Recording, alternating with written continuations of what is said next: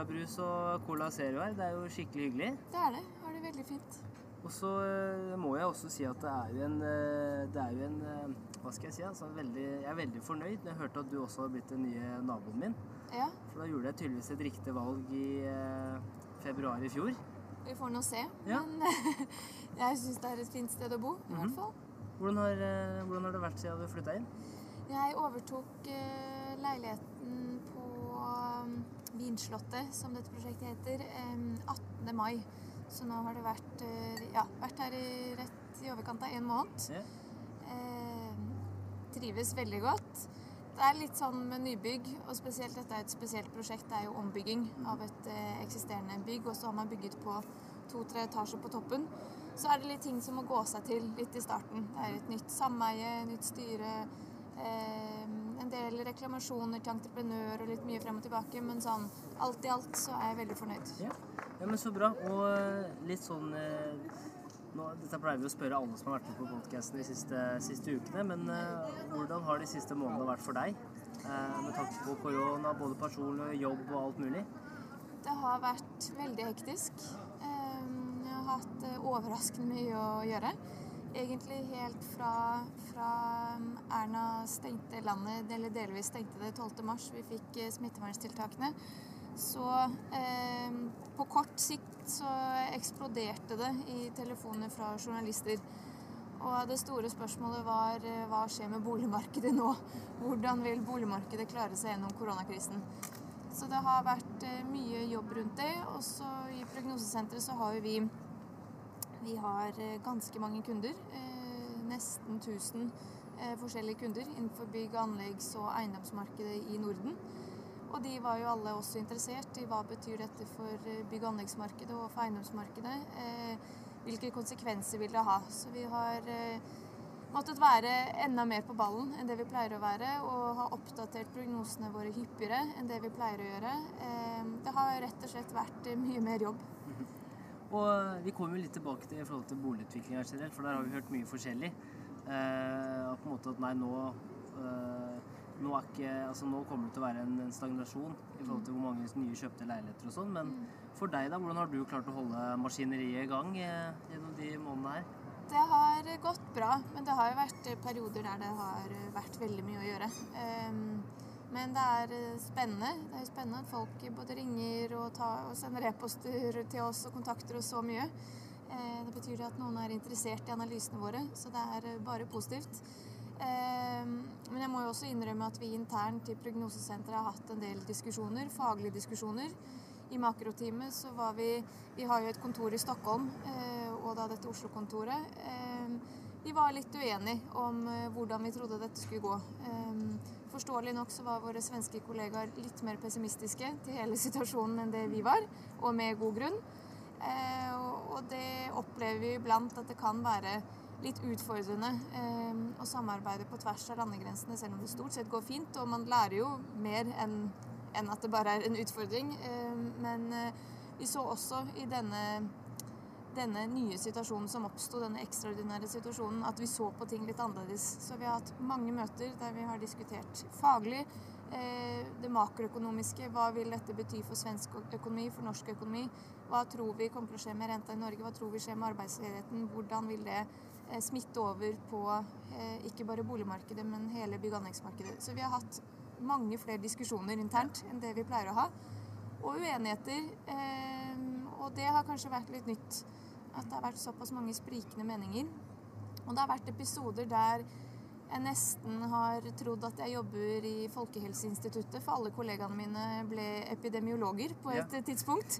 Vi satt alle sammen og synset om eh, når flokkimmunitet ville bli oppnådd, og satt med formler og regna. Og gjorde noen estimater på når vi trodde en vaksine ville bli allment tilgjengelig. Altså ting som vi ikke har noe peiling på, og ting som vi ikke burde holdt på med.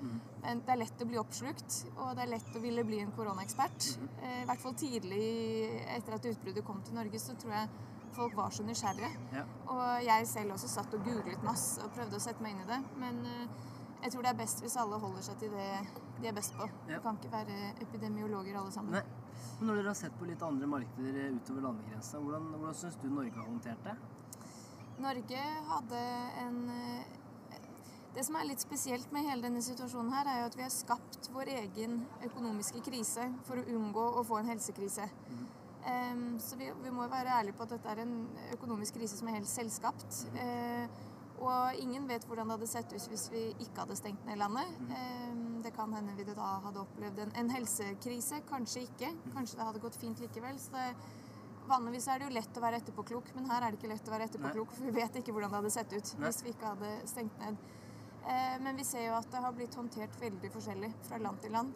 Eh, I Sverige har det vært en, en drastisk annen måte å håndtere på. Det er sjelden egentlig vi og, og naboene våre har eh, så forskjellige løsninger på samme utfordring.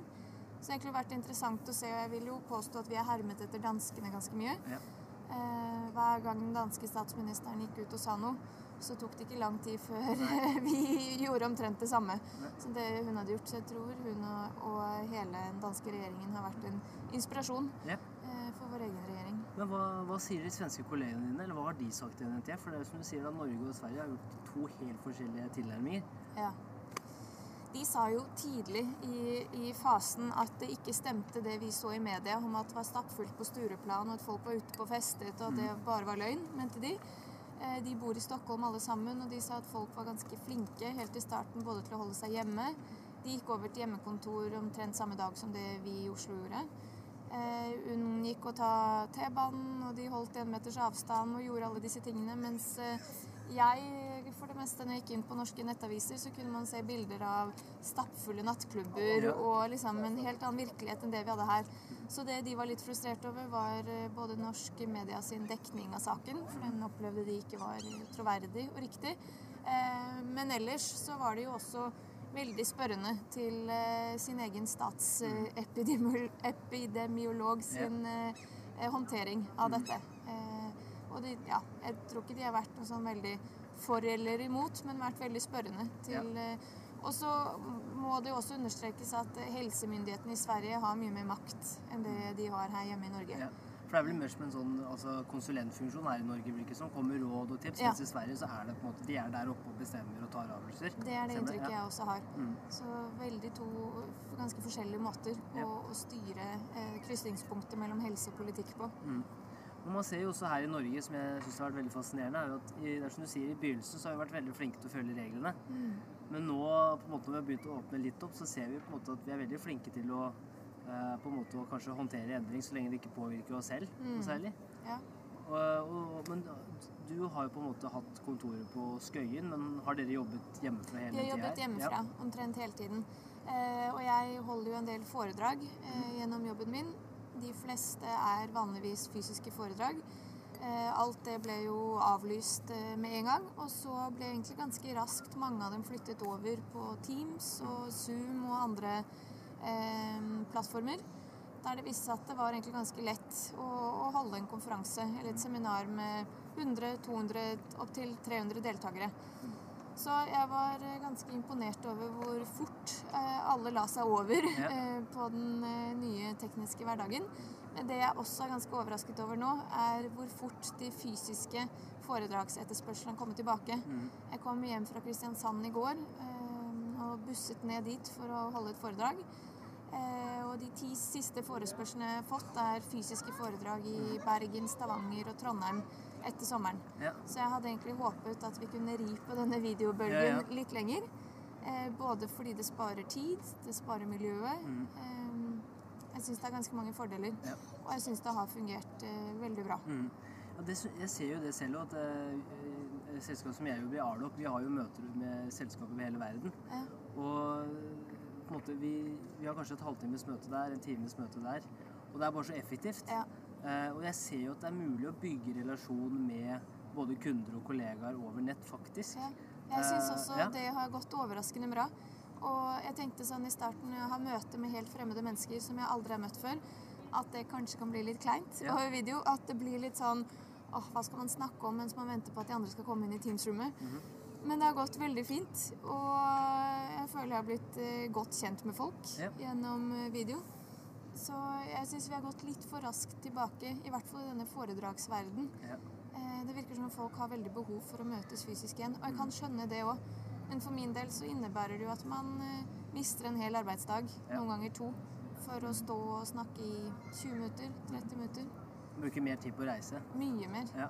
Veldig mye mer. Så, men jeg har også kommet i hvert fall finne ut at en god icebreaker, det er jo jeg har tatt med Putin, eller Lillebjørn som du møtte nå. Det jeg har tatt med han på jobb, og da har jeg noen gang bare pleid å løfte han opp foran kamera.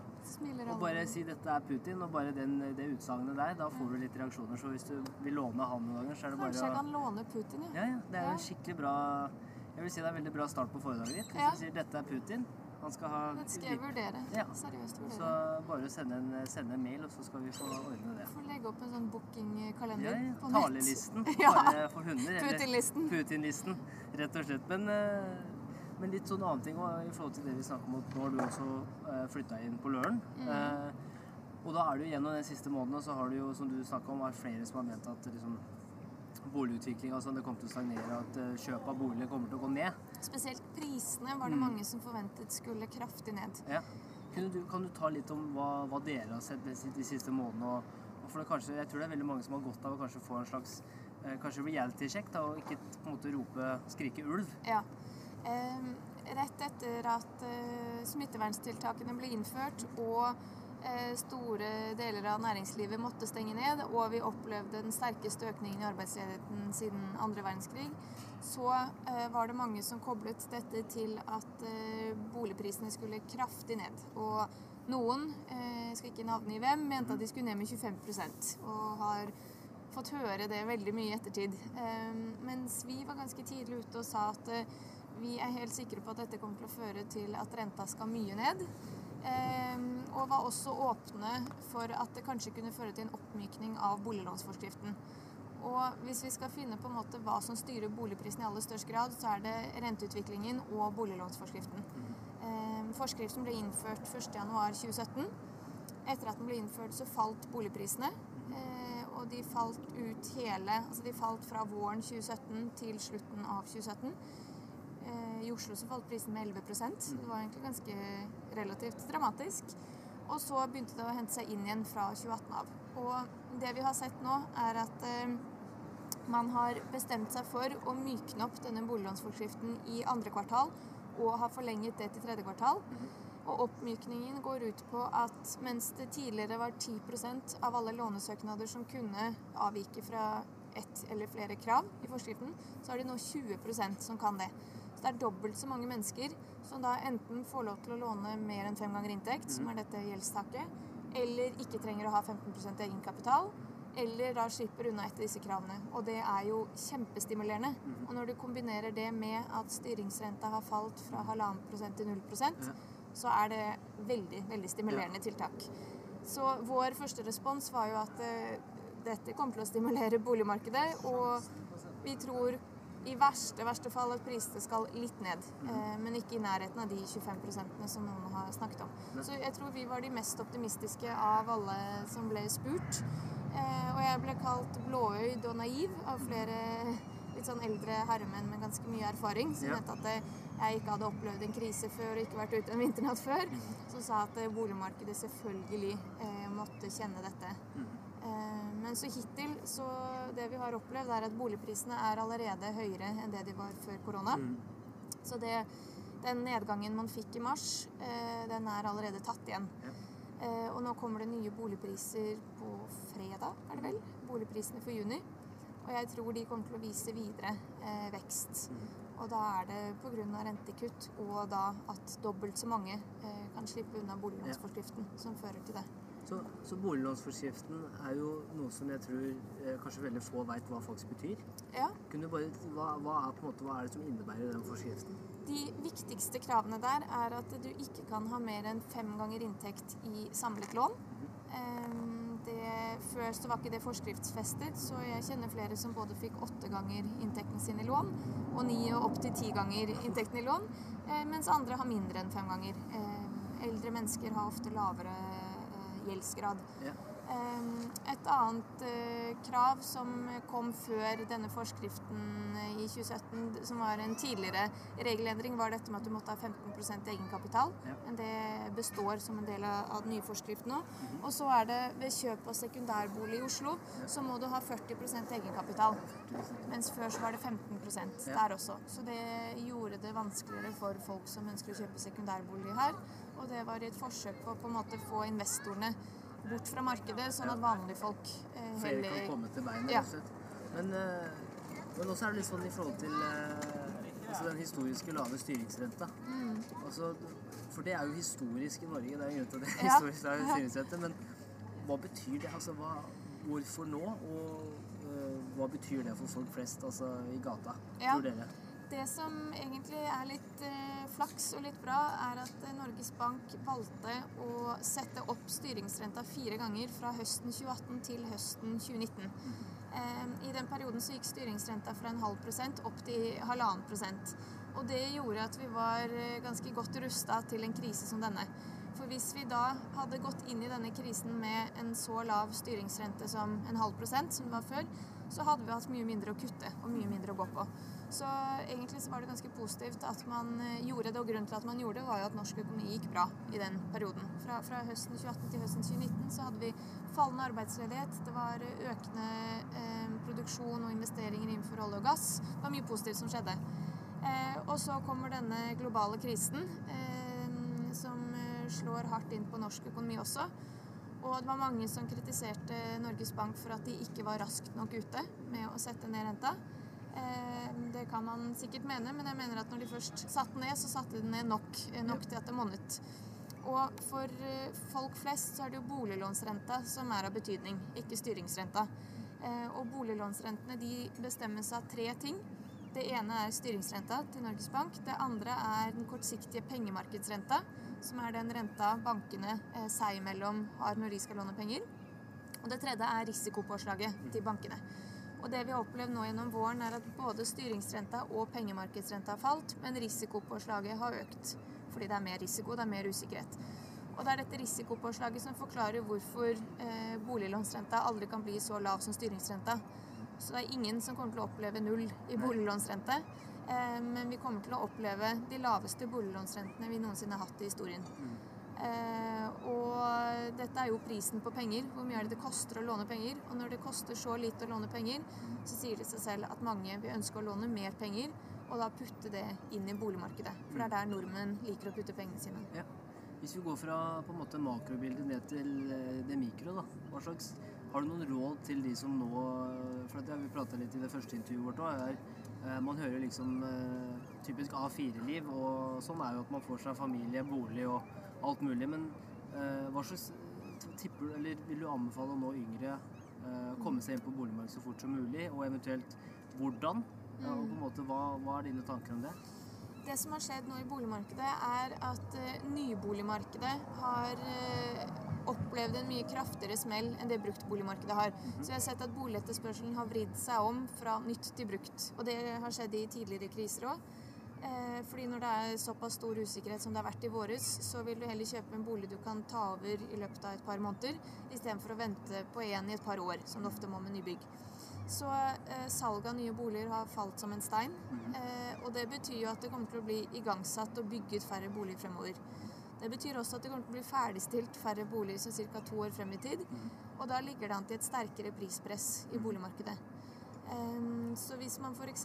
vurderer å kjøpe en bruktbolig eller en nybolig, så kan det jo være en god timing å gå inn i nyboligmarkedet hvis man kan vente eh, i to år. For da, om de eh, to årene når den boligen blir ferdigstilt, så blir det ikke ferdigstilt så veldig mange andre. Og da ligger det i hvert fall til rette for økt eh, prispress. Eh, Men hvis man ikke klarer å vente så lenge, så er det mange nok fine bruktboliger å velge på Finn.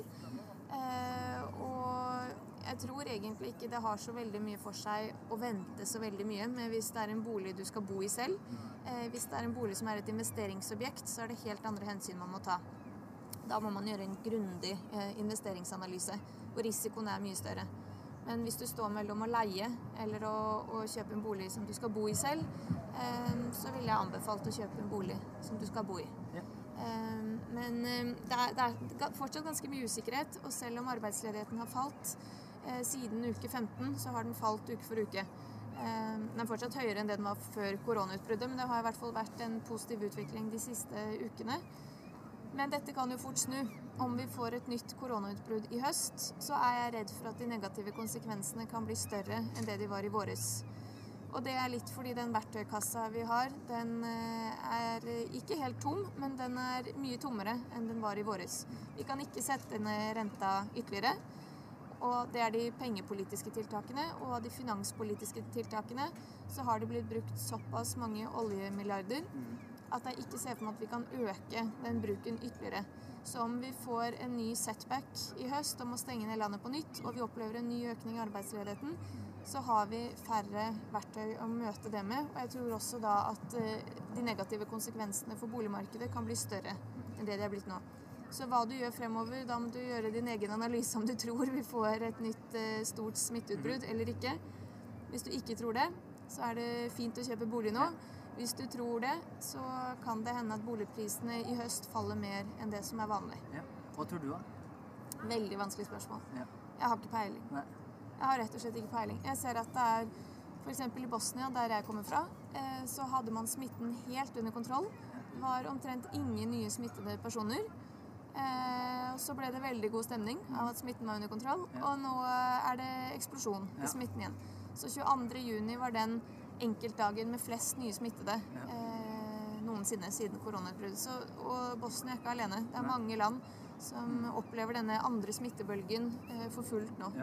Og det er jo det samme i Norge òg. Jeg ser jo det på en måte at Du har jo de folka som klagde på de som demonstrerte for Black Lives Matter, og så var det de som var på Sørenga og lå en halv meter unna altså de ved siden av seg uansett. Ja. Eh, men nå virker det som folk er veldig tilbake til normalt. Altså Når du ser i gatene og på en måte uteliv og restauranter. det virker som ting går av seg selv. Tror du vi kan For jeg begynner å tenke litt hvis ikke det kommer noen ny Jeg er litt bekymret. Ja. I hvert fall eh, etter å ha sett eh, hvordan det ser ut i Oslo sentrum eh, nattestid i helgene nå. Yes. Eh, og også her du og jeg bor. Nå mm. snakket vi om det litt innledningsvis, at det er litt rolig der borte hos dere. Men Ja. eh, rundt mitt nabolag så har det vært fryktelig Her er det mye fest. Her er det fest. Ja. Her er det fest eh, stort sett torsdag, fredag, lørdag hver uke. Og jeg legger meg til litt skriking og hyling under soveromsvinduet. Ja. Og folk som står oppå hverandre, og så er det slåsskamp, og det er litt sånn Ja. Litt uh, mye rart. Velkommen til Løren. ja, jeg trodde jeg flyttet jo fra Kiellandsplass og bodde over Pauls butikk. Ja. eh, Og var egentlig bare utesteder der. Ja. Men uh, det var egentlig nesten roligere der Ja. enn det det har vært her. Men jeg lurer på om det er fordi mange har innflyttingsfester, Ja. og det er litt sånn mye nytt som kanskje etter hvert Folk må legger seg. bare De må feste seg ut igjen, kanskje. Ja. ja. Jeg håper det. Men ja, ja, Neira. Altså, jeg håper jo du får en fin sommer. Du skal jo skulle egentlig til Bosnia, men det ble det ikke noe av. Nei. Så da blir det norgesturné. Det blir norgesferie, og jeg tror det blir veldig bra. Jeg bare Ja. håper på fint vær. Yes. Og at vi ikke møter på så fryktelig mange andre. Det er jeg litt redd for. Samme her. Vi skal også på biltur gjennom eh, Det blir først Trysil en tur eh, Ja. på fjellet, og så skal vi til Bergen og Stavanger og Sørlandet med bil. Så jeg håper vi ikke møter så mange andre nordmenn, men det jo, tror jeg blir vanskelig. Det tror jeg blir veldig vanskelig. Tusen takk for at du eh, opplyste oss om eh, boligutviklinga og hvordan det har vært eh, å flytte inn på Løren. Synd det har vært litt mye fest her nå, men vi får håpe det blir borte etter hvert. Det er ikke det største problemet i verden. Nei. Det er litt mer om det kunne vært verre ting å Det klage over. det. Ja. Tusen takk. Takk for at jeg fikk lov til å snakke. Vi Ses i